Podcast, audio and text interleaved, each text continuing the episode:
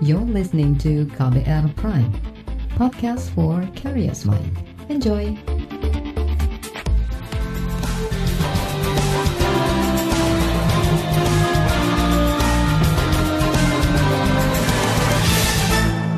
Halo selamat sore saudara, apa kabar Anda sore hari ini? Kembali saya Reski Mesanto siap menemani Anda selama kurang lebih 30 menit ke depan.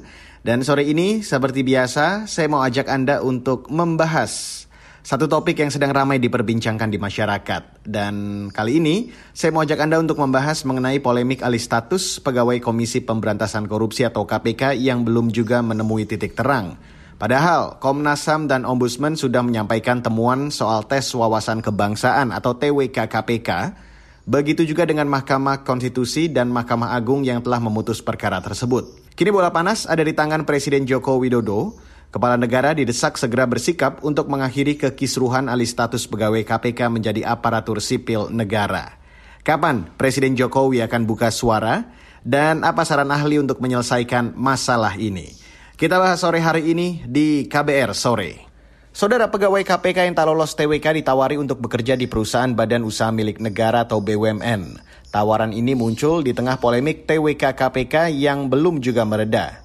Ada sejumlah syarat yang harus dipenuhi jika menerima tawaran tersebut. Salah satunya membuat surat pengunduran diri. Hal ini diungkapkan Ketua Wadah Pegawai KPK Yudi Purnomo. Dia merupakan salah satu pegawai yang tak lolos TWK. Saya belum pernah ditawarkan, hanya mendapatkan informasi aja dari teman-teman ya. Jadi saya tidak tahu langsung, tapi yang jelas bagi saya sekarang fokus pada perjuangan itu yang pertama, mm. gitu kan. Kemudian yang kedua ya ngapain ada tawaran seperti itu gitu kan? Karena yang kami perjuangkan sekarang adalah melawan pelemahan proses korupsi. Bagaimana mungkin dan putih seolah-olah kami memohon atau mengemis gitu kan kepada mereka yang mau memberhentikan kami. Padahal tidak ada dasar yang jelas bagi mereka untuk memberhentikan kami yang merupakan pegawai tetap KPK gitu. Jadi 14 tahun yang lalu misalnya saya jika ditawarkan oleh pimpinan KPK apalagi caranya dengan cara memohon gitu kan. Enggak lah tidak ada itu di kamus saya gitu. Lebih baik apa namanya saat ini saya masih berjuang gitu kan. Masalah nanti ya. Saya pikir insya Allah dengan kompetensi kemudian juga dengan pengalaman yang dimiliki oleh teman-teman 57 ini dalam memberantas korupsi ya saya pikir insya Allah untuk pekerjaan bisa dicari lah atau mungkin membuka lapangan kerja. Tapi kan itu nanti. Sekarang kita berjuang dulu sampai akhir sampai nanti kami benar-benar diberhentikan secara sepihak oleh pimpinan KPK apalagi kan katanya tawaran itu uh, berlaku jika misalnya mengundurkan diri gitu kan wah kami saya sudah tegas bahwa dari awal saya masuk KPK hmm. bahwa saya akan terus di KPK apa pun terjadi gitu ya uh, sampai ya KPK-nya yang memberhentikan. Yudi mempersilahkan jika memang ada pegawai lain yang tertarik tawaran tersebut. Kata dia itu menjadi hak mereka, namun dia tegas menolak tawaran tersebut. Ya ada beberapa katanya tawari ya, tapi kan karena saya nggak terlalu memikirkan itu ya udah biarin aja gitu kan ya. Uh, sampai kan ada beredar juga saya lihat tuh POM kalau ingin disalurkan harus isi permohonan gitu saya baca mhm. bagi saya ini bukan saya banget gitu kan mhm. kita yang udah melawan korupsi bikin begini gitu kan seperti nulis hamba-hamba gitu ya mhm. Ya kalau bagi saya itu hak orangnya kalau emang mereka mau mau juga ya tidak ada masalah kan saya tidak bisa mengatur mereka gitu kan. Ya, itu kan hak pribadi mereka seperti itu. Tapi kalau saya pribadi ya saya dengan tegas menolaknya gitu kan. Nanti bekerja di mana pun gitu ya setelah di KPK yaitu karena kompetensi saya karena keahlian saya di bidang investigasi di bidang ah, misalnya uh, apa audit atau di bidang intelijen gitu kan. Jadi bukan karena kita mau apa memohon kemudian dikasih kerjaan. Enggak gitu kan.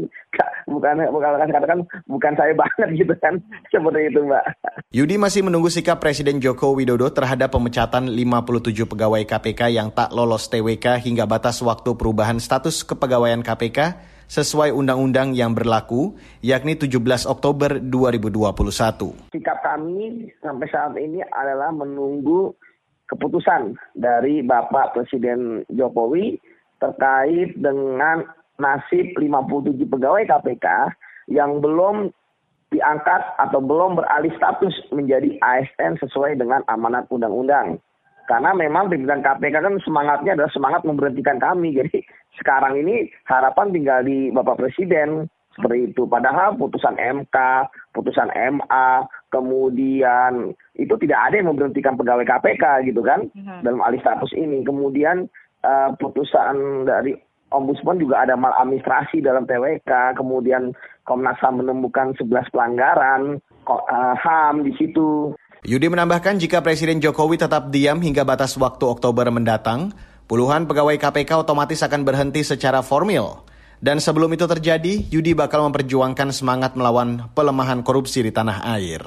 Dan selanjutnya di KBR sore akan saya hadirkan laporan khas KBR yang kali ini akan membahas topik ragam sikap lembaga negara soal TWK KPK. Tetaplah di KBR sore.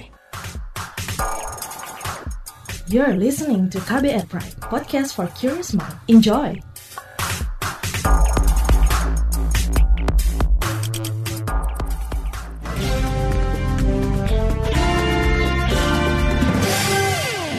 Saudara, polemik tes wawasan kebangsaan bagi pegawai Komisi Pemberantasan Korupsi makin ruwet karena ada putusan dua kelompok lembaga negara yang seperti berseberangan.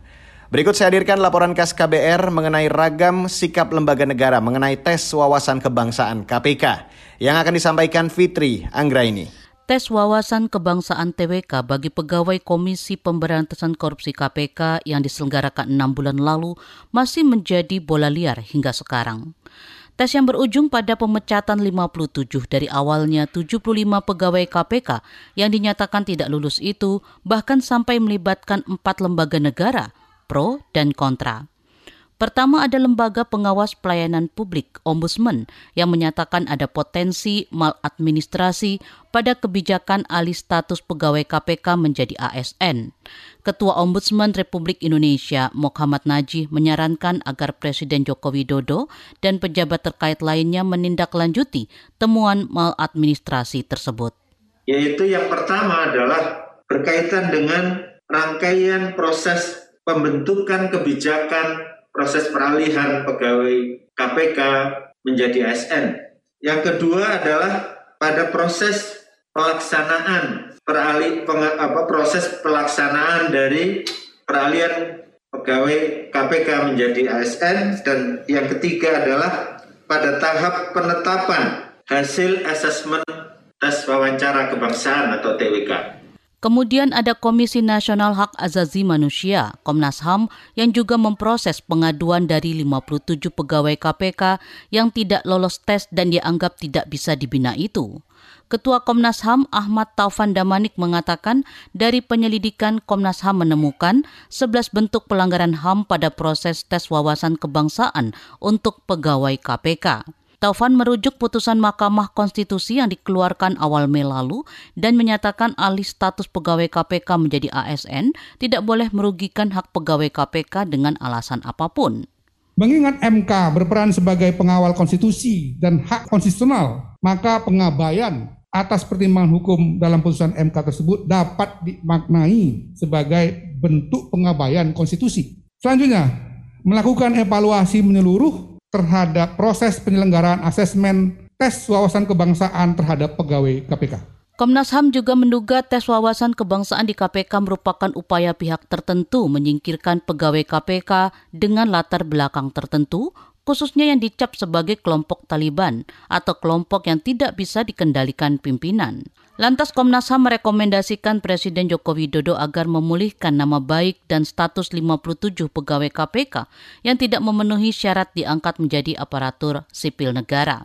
Di sisi lain, dua lembaga yudikatif yaitu Mahkamah Konstitusi dan Mahkamah Agung menolak permohonan uji materi terhadap aturan tes wawasan kebangsaan. Pada akhir Agustus lalu, Ketua Mahkamah Konstitusi Anwar Usman menyatakan MK menolak gugatan yang diajukan Lembaga Pemantau KPK, KPK Watch Indonesia. Berdasarkan Undang-Undang Dasar Negara Republik Indonesia tahun 1945 dan seterusnya, amar putusan mengadili menolak permohonan pemohon untuk seluruhnya. Seminggu setelah putusan MK keluar, giliran Mahkamah Agung memutuskan menolak gugatan dari pegawai KPK. MA menganggap tes wawasan kebangsaan sah dan tidak melanggar aturan. Wakil Ketua KPK Nurul Gufron menyebut putusan Mahkamah Konstitusi dan Mahkamah Agung sebagai putusan final dan polemik tentang tes wawasan kebangsaan KPK sebaiknya diakhiri. KPK bahkan meminta Komnas HAM dan Ombudsman Republik Indonesia mematuhi putusan dua lembaga yudikatif tersebut. Dari polemik itu, anggota Komnas HAM Koirul Anam menyatakan putusan lembaganya terkait dugaan pelanggaran HAM pada tes wawasan kebangsaan tidak bisa disandingkan dengan putusan MK dan MA. Apalagi yang dikaji Komnas HAM berbeda dengan yang dikaji MA dan MK. Sehingga kata dia keliru jika ada yang menganggap putusan MA dan MK lebih tinggi sehingga rekomendasi Komnas HAM bisa diabaikan. Laporan ini disusun Agus Lukman. Saya Fitri Anggreni. Saudara, bagaimana sikap KPK dan Istana terkait polemik TWK? Tetaplah di KBR sore. You're listening to KBR Pride, podcast for curious mind. Enjoy.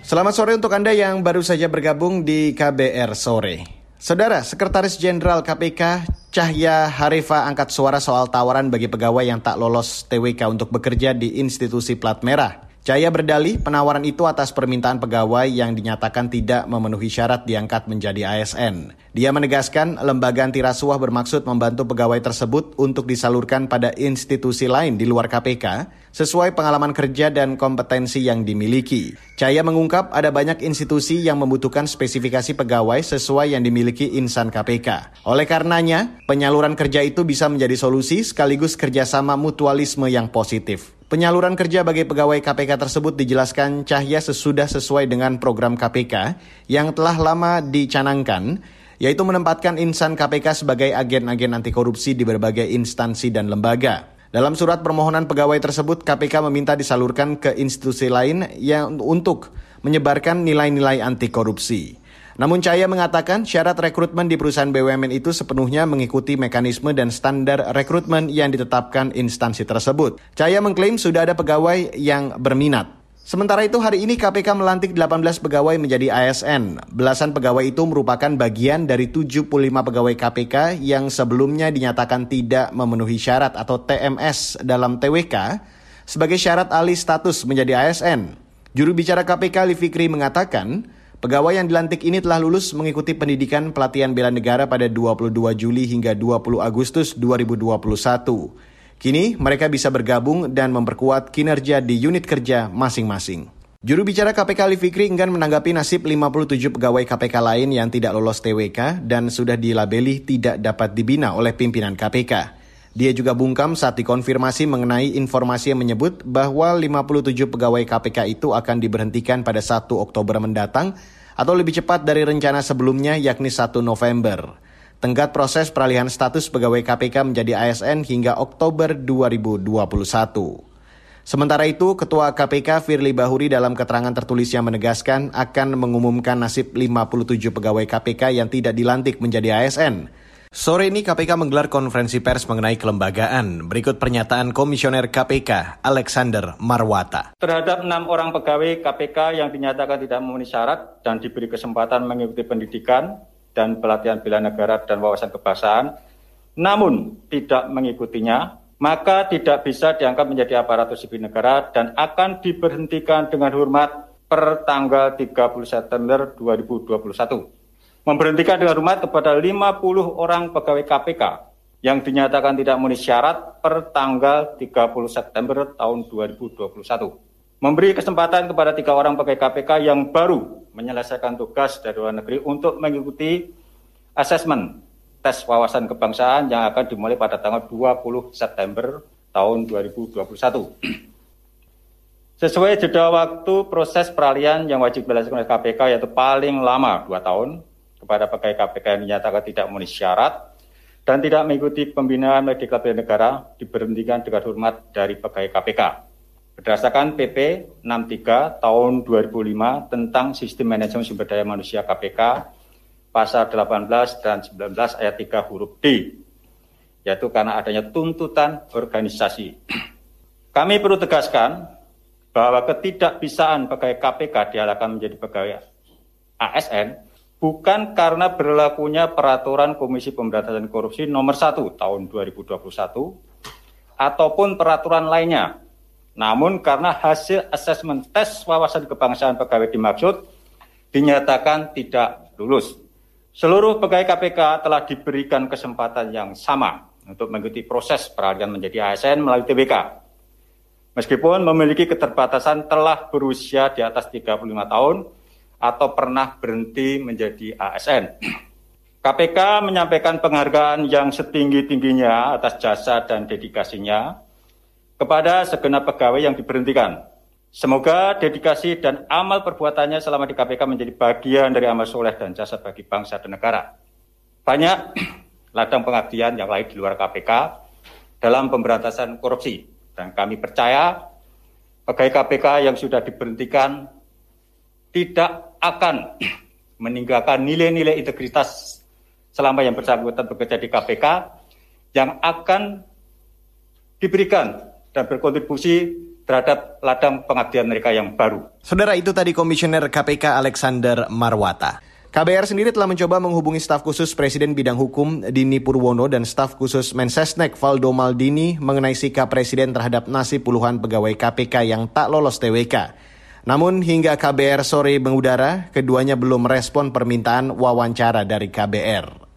Sebelumnya pada akhir Agustus lalu, staf khusus Presiden Bidang Hukum Dini Purwono mengatakan Jokowi menghormati rekomendasi Komnas HAM dan temuan Ombudsman. Saat itu dia mengatakan Jokowi akan bersikap usai proses hukum di MK dan MA rampung. Arahan Presiden terkait hal ini sudah diberikan sebelumnya dan tidak berubah. Mengingat pada saat ini sedang berjalan proses hukum di Mahkamah Konstitusi dan Mahkamah Agung terkait isu ini, maka kita hormati proses hukum yang tengah berlangsung dan kita tunggu putusan MK dan MA. Presiden berharap dan percaya bahwa MK dan MA akan memberikan putusan yang seadil-adilnya dalam waktu yang tidak terlalu lama, sesuai dengan ketentuan hukum yang berlaku dan juga memenuhi rasa keadilan masyarakat. Saudara itu tadi staf khusus Presiden Bidang Hukum Dini Purwono. Presiden Jokowi tercatat hanya sekali merespon soal isu ini, yakni pada pertengahan Mei lalu. Saat itu, Kepala Negara meminta alih status kepegawaian tidak merugikan hak pegawai KPK sebagaimana putusan MK. Presiden juga meminta hasil TWK tidak digunakan sebagai alasan memberhentikan 75 pegawai KPK yang dinyatakan tidak memenuhi syarat. Dan saudara bagaimana ahli merespon putusan MK dan MA soal TWK KPK dan sikap apa yang harus diambil Presiden? Selengkapnya sesaat lagi. Tetaplah di KBR sore. You're listening to KBR Pride, podcast for curious mind. Enjoy.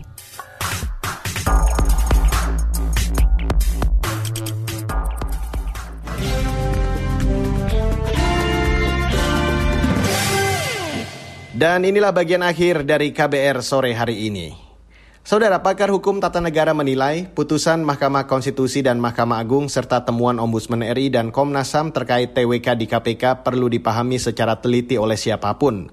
Putusan dua lembaga hukum tertinggi itu pun dinilai tidak berbenturan dengan temuan Komnas HAM dan Ombudsman RI. Lalu, sikap apa yang mesti diambil Presiden untuk menyelesaikan polemik TWK KPK ini? Berikut saya hadirkan wawancara jurnalis KBR Heru Haitami bersama pakar hukum tata negara dari Universitas Andalas, Ferry Amsari. Terkait dengan polemik tes wawasan kebangsaan alih status pegawai KPK. Ada putusan MA dan MK serta rekomendasi dan temuan Komnas HAM dan Ombudsman RI. Bagaimana seharusnya membaca putusan dan temuan tersebut? Siapa pun sekarang perlu membaca dengan uh, teliti putusan Mahkamah Konstitusi dan Mahkamah Agung. Karena ada tiga putusan, dua di MK, satu di Mahkamah Agung. Tiga putusan ini berbeda dengan rekomendasi yang diajukan oleh Komnas HAM dan Ombudsman Republik Indonesia. Ketiga putusan Mahkamah Konstitusi dan Mahkamah Agung bicara soal keabsahan norma, keabsahan kewenangan dari proses penyelenggaraan uh, tes wawasan kebangsaan. Sementara rekomendasi Komnas HAM dan Ombudsman bicara soal prosedur penyelenggaraan atau pelaksanaan. Juga ada perdebatan soal keabsahan norma tes kebangsaan.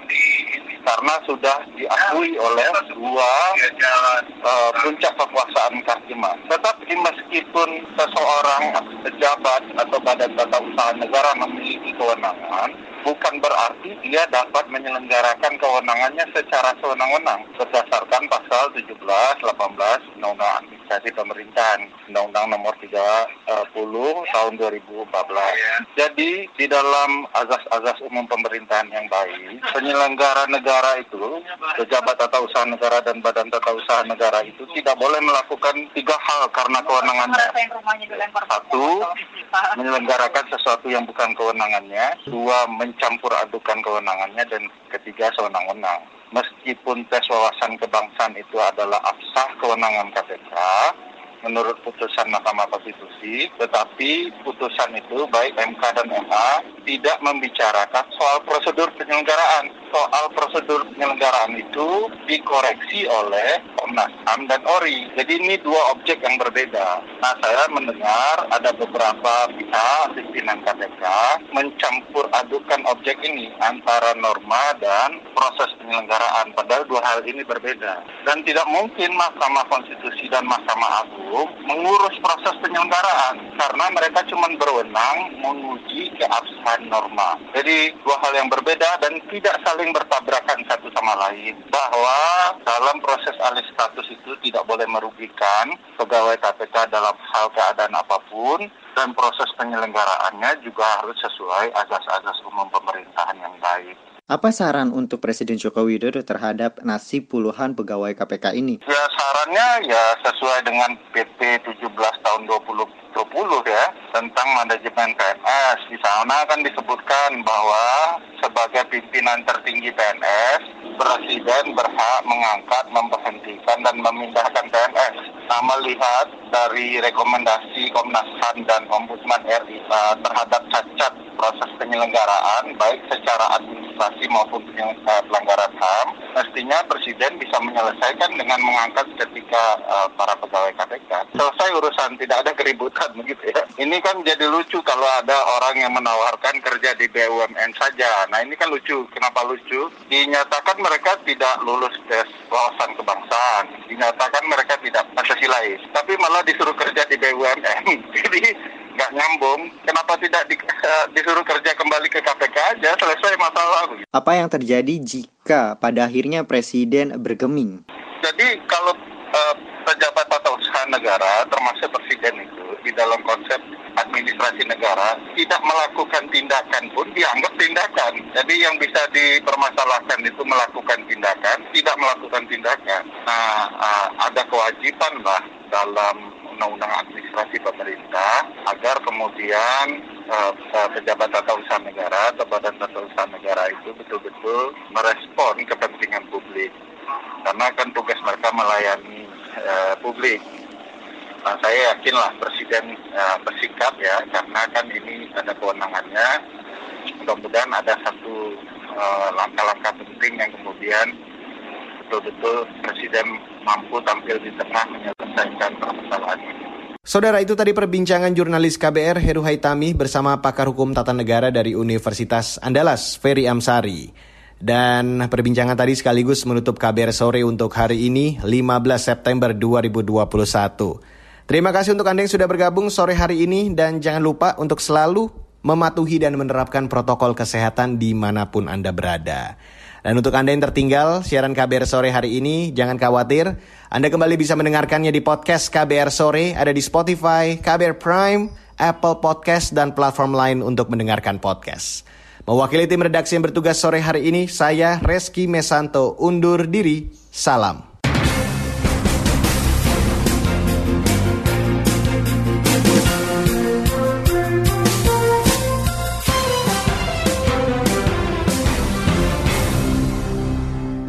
Prime, cara asik mendengar berita.